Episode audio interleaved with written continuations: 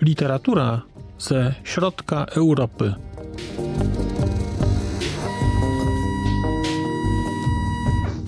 Podcast około książkowy.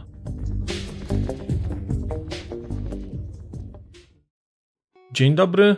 Przed mikrofonem Marcin Piotrowski i zapraszam Państwa na prezentację planu wydawniczego podcastu Znak Litera Człowiek na maj 2023 roku. W maju chciałbym poczytać trochę literatury czeskiej, której już jakiś czas u mnie nie było. No i zobaczmy, co tam się z czeskich rzeczy u mnie pojawi. Pojawi się nowa książka Markety Pilatowej, Ciemna Strona. To jest nowość. Wydaje mi się, że ukazała się w połowie marca, więc rzecz bardzo świeża.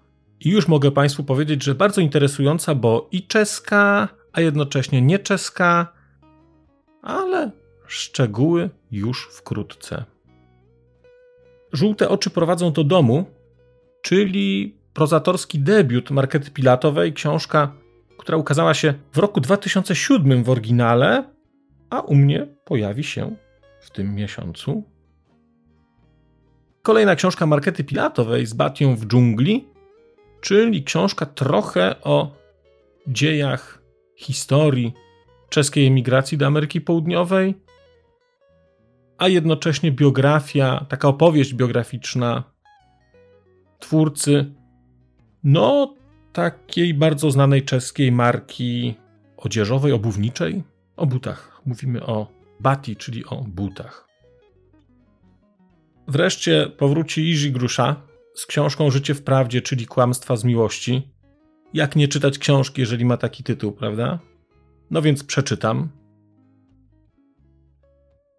Będzie też nowa książka z książkowych klimatów. Jan Stifter i kolekcjoner śniegu, książka, która też ukazała się, mam wrażenie, późną wiosną tego roku. Właściwie późną zimą albo wczesną wiosną, ale rzecz bardzo, bardzo nowa. Będzie trochę starsza rzecz, czyli czeski raj Jarosława Rudisza. I pojawią się dwie książki Wacława Hawla.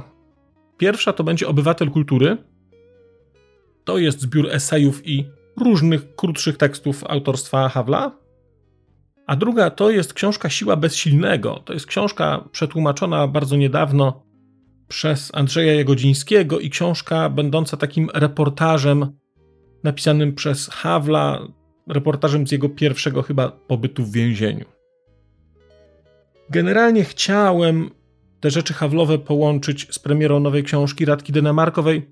Niestety godziny zołowiu jeszcze nie teraz się ukażą, więc jeszcze trzeba poczekać, ale do Hawla też pewnie wtedy będzie okazja wrócić.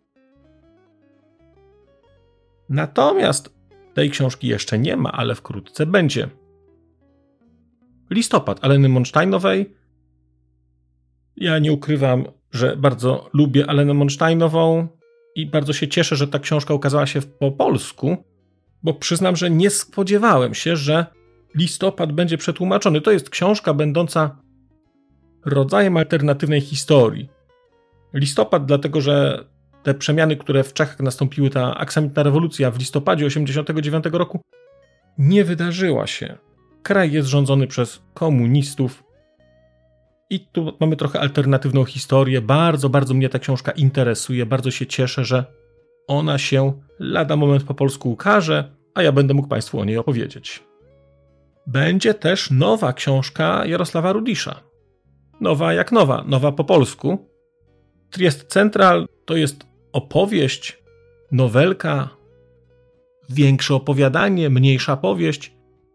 Jest to jakaś forma autorstwa Rudisza, forma kolejowa. Forma kolejowa, czyli jeżeli czytaliście Państwo ostatnią podróż Winterberga i podobały się Państwu te historie kolejowe, a widać, że Rudisz bardzo je lubi, no to tutaj będzie jakaś drobna kontynuacja. No może nie kontynuacja, ale ten świat, to uniwersum kolejowe.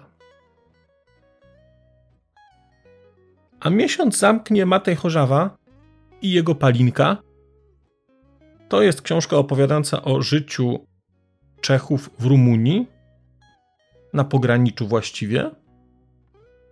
I skoro można powiedzieć, że to jest ostatnia książka w tym miesiącu, no to będzie idealnym otwarciem miesiąca kolejnego czerwca, ale o czerwcu opowiem przy okazji czerwca.